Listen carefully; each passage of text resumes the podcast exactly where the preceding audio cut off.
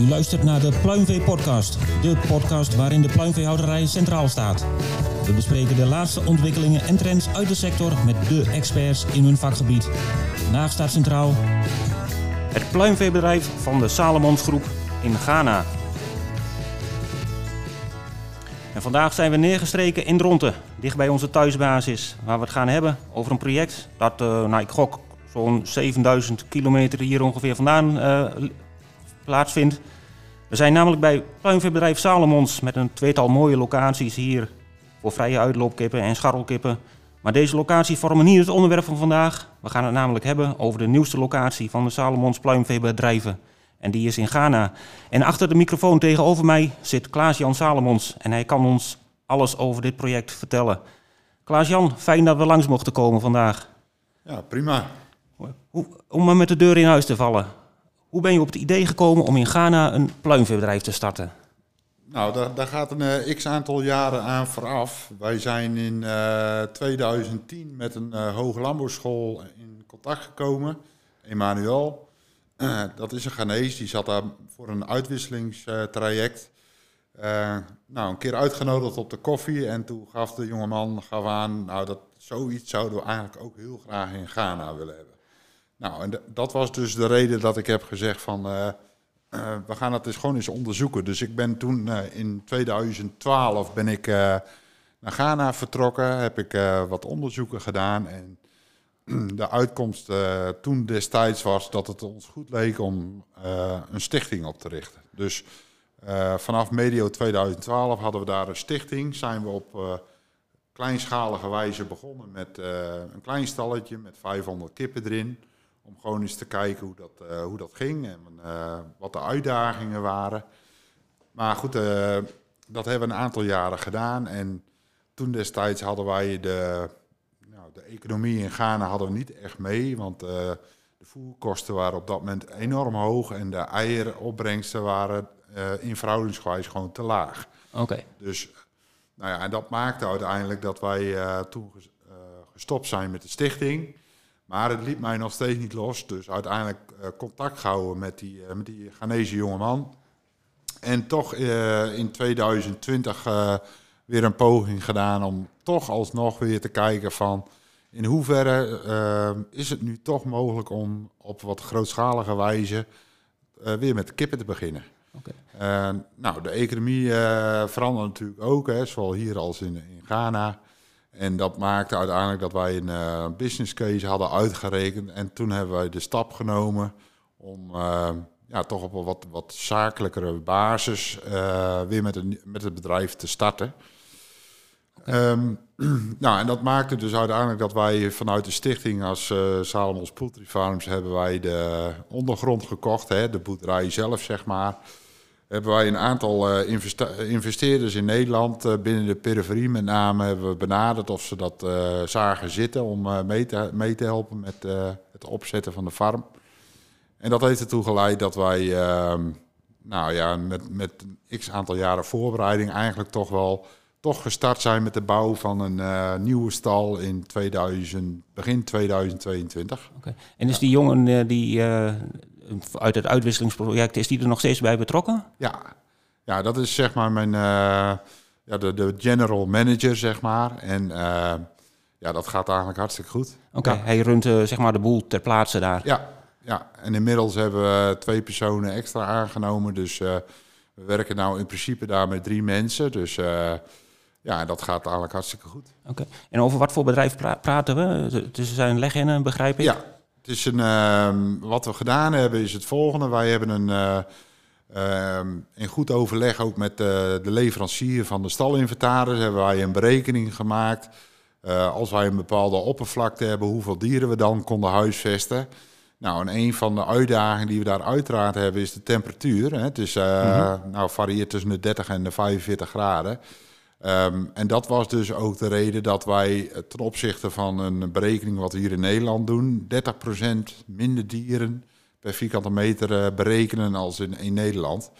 Ehm, dus de uitkomst was uiteindelijk dat wij een stal konden bouwen van eh, 115 meter lang en 15 meter breed. Waarbij we gekozen hebben dat we niet afhankelijk zijn van stroom, dus met natuurlijke ventilatie. Ja. Ehm, en dat maakte dus uiteindelijk dat we daar ongeveer een 11.000 kippen in kwijt kunnen.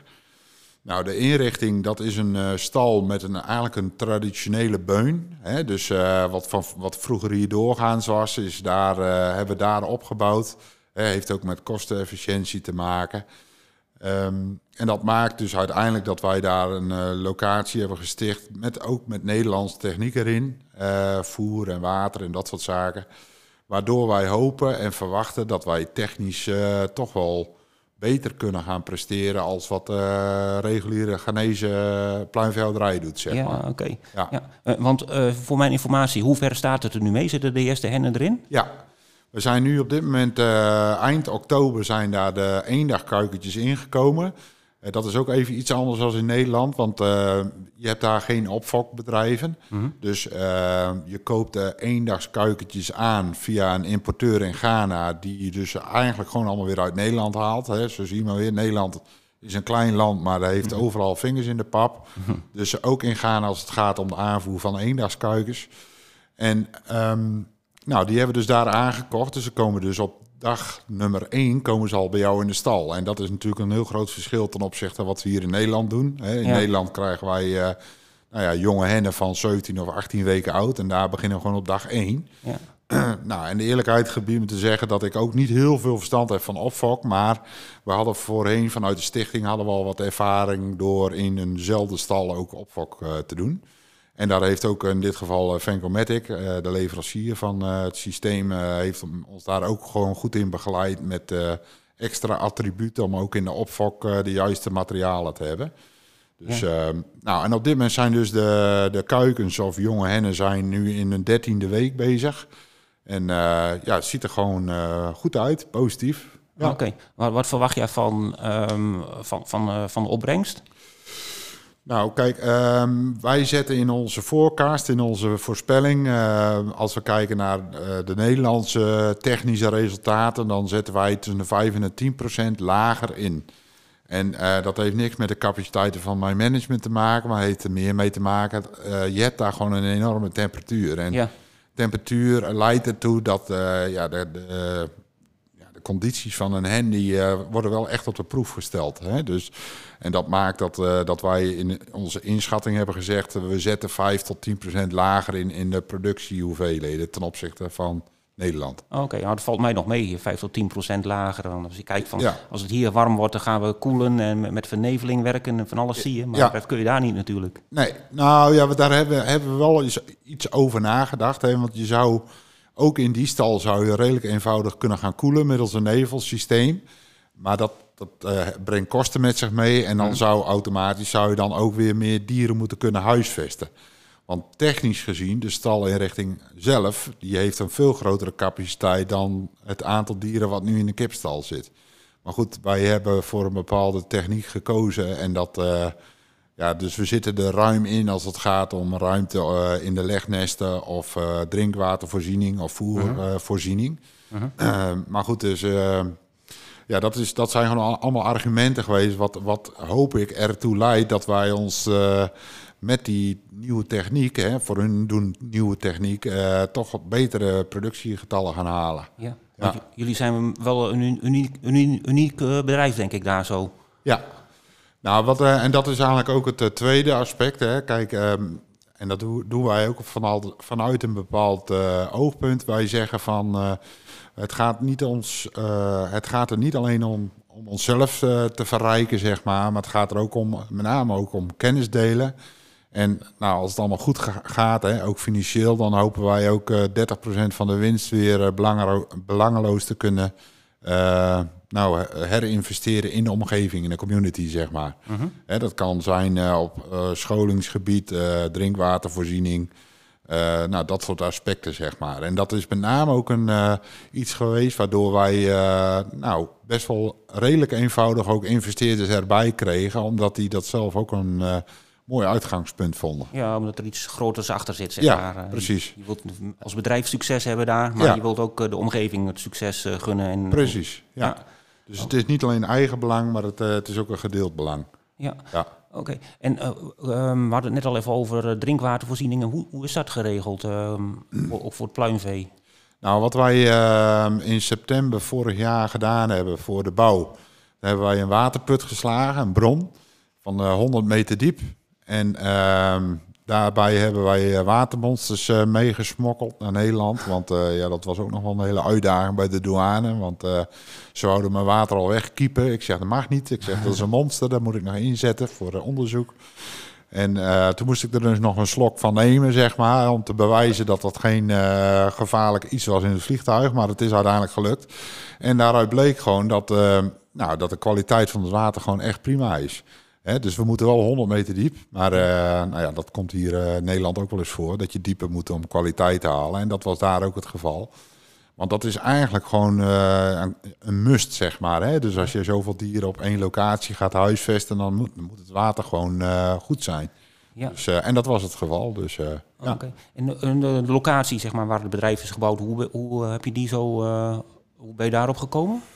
Nou, dat is eigenlijk al een keuze geweest in uh, 2012. Hè, dus dan gaan we een tijdje terug in de tijd. Want um, ik heb toen tegen de manager gezegd... wij moeten op zoek gaan naar een stuk grond wat hoger ligt als de rest. Hè, dat, we op, dat we op een heuvel zitten. Uh -huh. En uh, toen destijds zaten wij nog een heel, heel eind van het dorp af... wat inmiddels ook een stad is geworden. Dus de stad die zit al bijna tegen onze boerderijen aan. Dus... Okay dat, nou ja, dat bemoedigt mij ook wel iets om uh, geld te steken in dat soort gebieden. Omdat je gewoon ziet dat ontwikkeling daar gewoon echt wel doorgaat. Ja. Hè? Dus uh, maar even los daarvan, de keuze om op die uh, plaatsen te stichten... had er met name mee te maken dat wij daar iets op een heuvel zitten. En dat... nou ja, mijn filosofie was als je op een heuvel zit, dan vang je de meeste wind. En dan heb je de minste kans op te warm, zeg maar. Ja, ja de ja. eerste koeling. Ja, ja, de eerste koeling heb je dan al te pakken, ja. Ja. En hoe kijken, hoe kijken de mensen er tegenaan daar uh, in het dorp?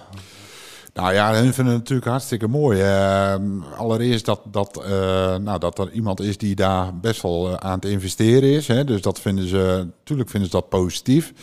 Maar een Ghanese is ook uitermate goed in staat om heel erg en dat is niet lullig bedoeld, maar wel dat ze gewoon echt proberen daar ook zelf weer een voordeel uit te halen. En dat is uh, soms wel eens de afweging die je maakt in keuzes, ook daar lokaal, met wie je wel wat gaat doen of niet wat gaat doen.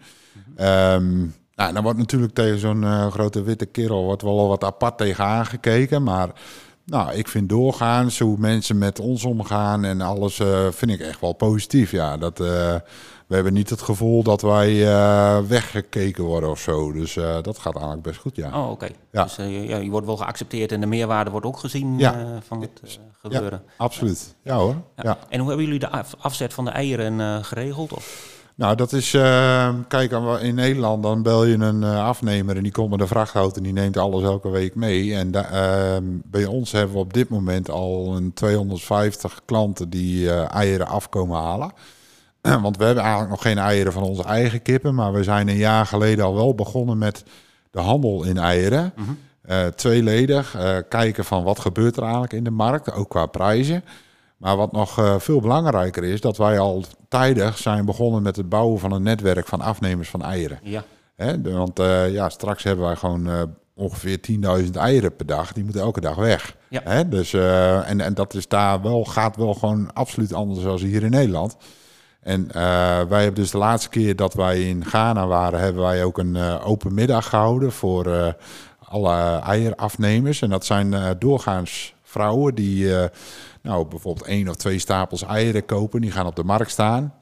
en zo hebben wij daar op dit moment al een 250 contacten, zeg maar, die regelmatig eieren afkomen halen.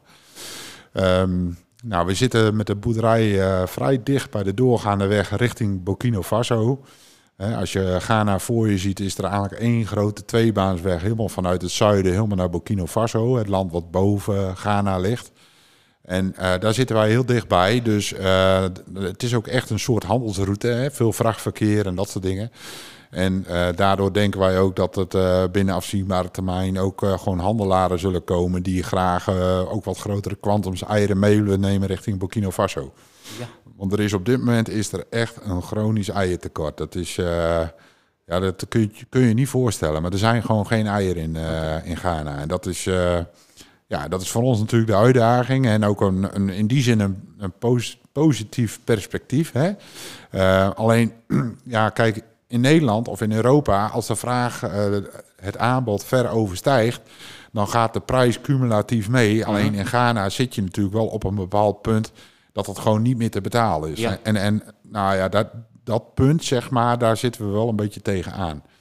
Hè, om je een idee te geven, een uh, Ghanese met hun gemiddelde inkomen, die geven, als je het vergelijkt met Nederlandse maatstaven, die geven op dit moment 35 euro per doosje eieren uit. Hè, als je het even omrekent in het perspectief. Oké, nou dat zie ik hier nog niet gauw gebeuren. Nee, nee, nee. nee. En, en dat, is, dat is dus ook de challenge, hè, want alles wordt wel gewoon duurder. We hebben te maken met een uh, behoorlijke inflatie daar ook. Hè, dus, um, en die inflatie helpt natuurlijk enerzijds mee om uh, meer geld voor je eieren te krijgen. Maar de andere kant van de medaille is ook dat de grondstoffen van het voer, die moeten ook allemaal aangekocht worden uit Amerika of misschien wel Europa zelfs. Ja. En ja, die worden natuurlijk ook veel duurder. Hè? Dus uh, nou ja, en dat, dat blijft natuurlijk voor ons het spanningsveld van uh, blijft er genoeg marge, bandbreedte over om daar ook nog wat te kunnen verdienen. Ja. Mhm. ja. Oké, okay, maar de, de markt, er is nog genoeg vraag in elk geval voorlopig. Het is Ja. alleen de kunst om, uh, om, om de goede prijs te houden. Precies, Ja. precies. En je had het al even over het voer. Ja. Ehm, hoe, kom je daaraan? Nou, het voer, eh, daar hebben wij eh, gelukkig eh, het verhaal dat eh, de Heus een x aantal jaar... De Heus, hè, de uit Ede, dat is een Mhm. grote voercoöperatie, die zit eigenlijk wereldwijd. En die heeft een x aantal jaren geleden heeft hij een voerfabriek eh, gebouwd in eh, Thema. Dat is eh, dicht bij de hoofdstad Accra. Dat is wel heel, best wel heel ver bij ons vandaan. Maar die hebben gewoon een, eh, een, een dealerschap door heel, Nederland, of, eh, door heel Ghana. Ehm, en eh, voor ons is dus ook een dealer toegewezen. Dat is dan nog wel vier uur rijden bij ons vandaan. Maar daar kopen we dus ons concentraat. Hè? Dus de kernvoer kopen we daaraan. Alles in zakgoed overigens. Ja. En wij kopen dan lokaal kopen we de mais van akkerbouwers, zeg maar. Dus eh, nou, en tot op heden, ja, dat is, ook dat is soms wel eens een uitdaging. Hè? Want het zijn gewoon grote afstanden allemaal. Maar eh, tot op heden gaat dat ook eh, prima. ja, nog geen dag zonder voer gezeten. Nee, nee, nee. Oh, Oké, Nee. Ja. En, en de diergezondheid, eh, is daar al iets over te vertellen? Ja, nou, kijk, zoals ik mezelf ook geïntroduceerd heb, eh opfok, ja, daar ben ik niet helemaal goed in thuis. Maar we hebben gelukkig middels mijn eigen hennenleverancier in Nederland heb ik een, co- contact met een opfokbegeleider die ik af en toe kan lastigvallen met vragen of fotootjes sturen of dat soort dingen. Ehm, en dat is natuurlijk tegenwoordig met de techniek eh, ook ideaal. Een keer video bellen of een fotootje sturen. Wat, wat ons zeker meehelpt in eh, op afstand toch ook gewoon bepaalde keuzes te kunnen maken. En wat we daar met name in het beginsel hebben gezien bij de opfokkers... dat we wat pikkerij hadden. En dat had hem eh, met, met de lichtinval in de stal te maken. Dus dat hebben we nu ook aangepast.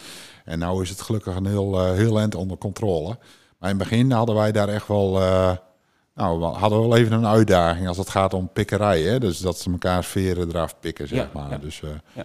Want toen in het begin, eh, zeg maar, toen de kuikens er net in waren, toen, toen was jij niet toevallig daar in de buurt? Of, eh, Nee, oké, nee. Dus dat moest je allemaal op afstand doen. ja, ja. Ja. dus we waren wel net daarvoor geweest. Ook met een, een tweetal Nederlandse monteurs.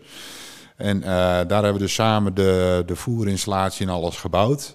Ehm Vancomatic, de leverancier van het systeem, die eh, had ook twee Tunesische monteurs om de beun en alles zelf eh, te bouwen. Alleen wij hebben zelf al het elektra aangesloten en de silo en de breker om de mais in kleine stukjes te maken. Dat hebben we allemaal zelf gedaan. Dus wij waren net voordat de kuikens kwamen, zeg maar, waren wij er nog. Maar eh, nou, wij, werken even, wij werken bijvoorbeeld ook met Google Sheets. Hè? Dus eh, mensen moeten daar gewoon hun eh, gegevens invullen. Hoeveel voer, hoeveel water, hoeveel uitval.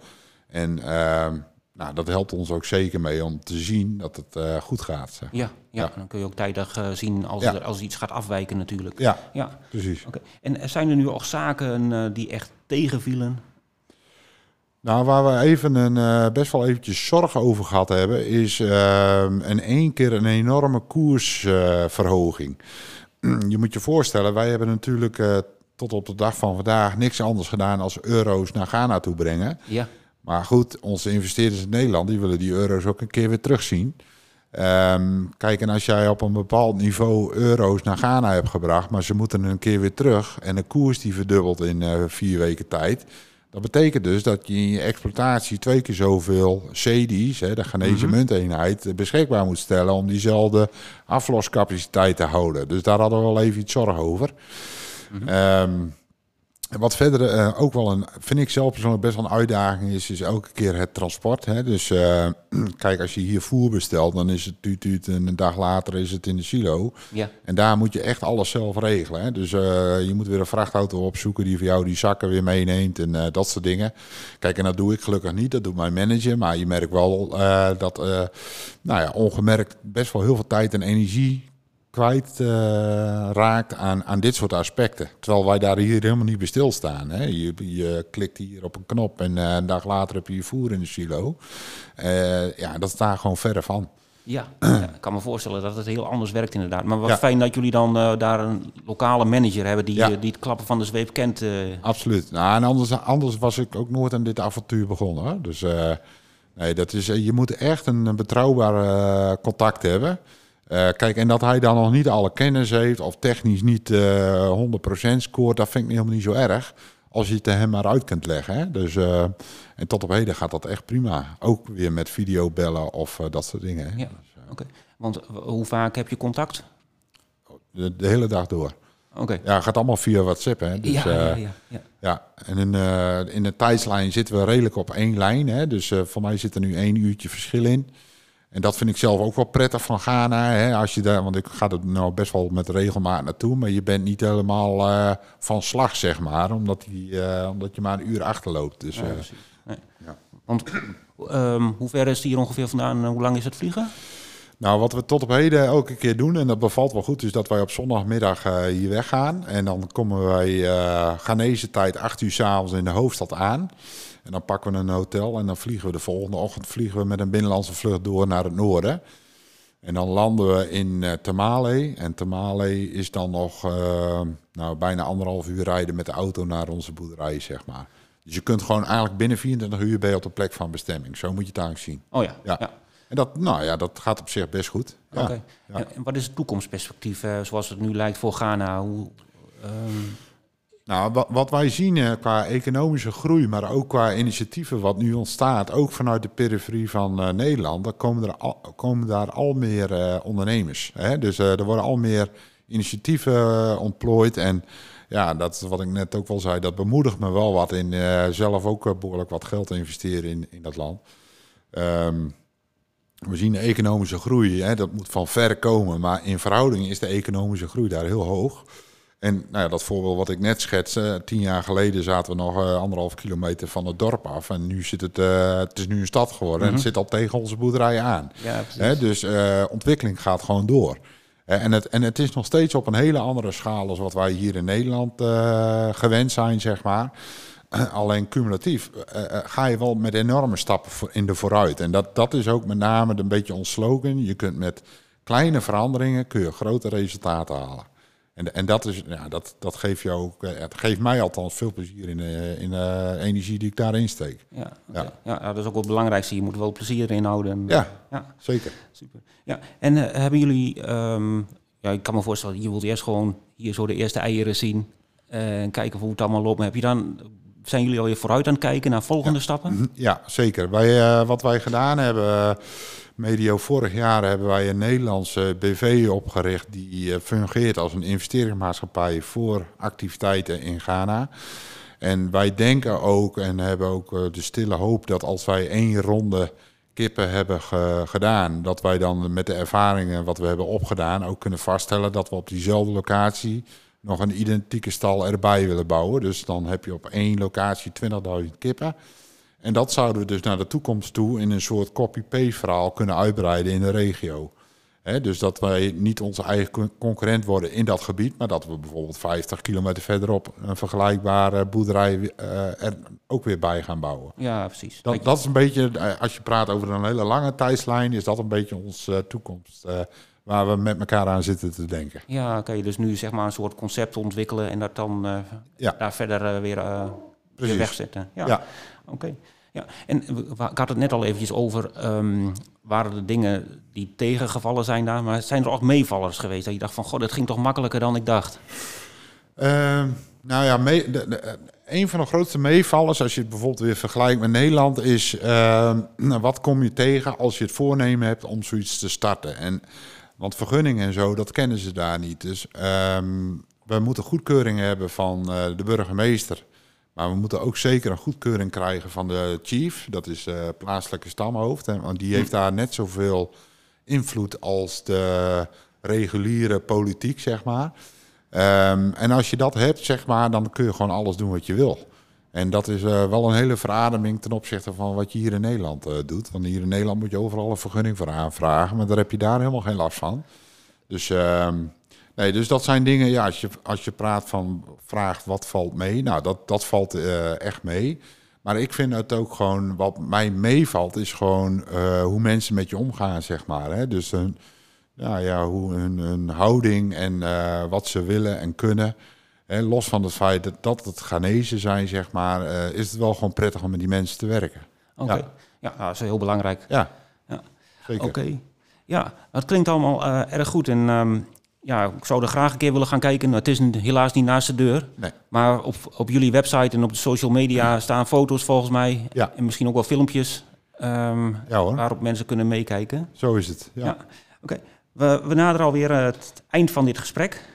Um, bedankt voor je verhaal. En um, het is heel interessant en ik kan me uh, voorstellen dat we nog eens een keer weer terugkomen om te horen van uh, hoe het allemaal gaat. Um, zoals ik al zei, op, op jullie website en op social media kunnen mensen ook meekijken ja. hoe het daar in Afrika gaat. En uh, in de komende pluimveekrant gaan we ook nog even aandacht besteden aan de Ghanese vestiging van pluimveebedrijf Salomons. En in de pluimveekrant ook aandacht voor stalklimaat en energie. Er zijn actuele onderwerpen op dit moment. We nemen een kijkje op Agri Flanders. We kijken vooruit naar de Poultry Expo. En we gaan het hebben over hardnekkige salmonella-kiemen in de vleeskuikenhouderij. Dus heel wat anders dan wat we hier nu besproken hebben. Maar het gaat allemaal over pluimvee en dat uh, vinden we allemaal interessant. Mijn naam is Gerben Hofman. Dit was de Pluimvee Podcast. Bedankt voor het luisteren en tot ziens. Tot ziens.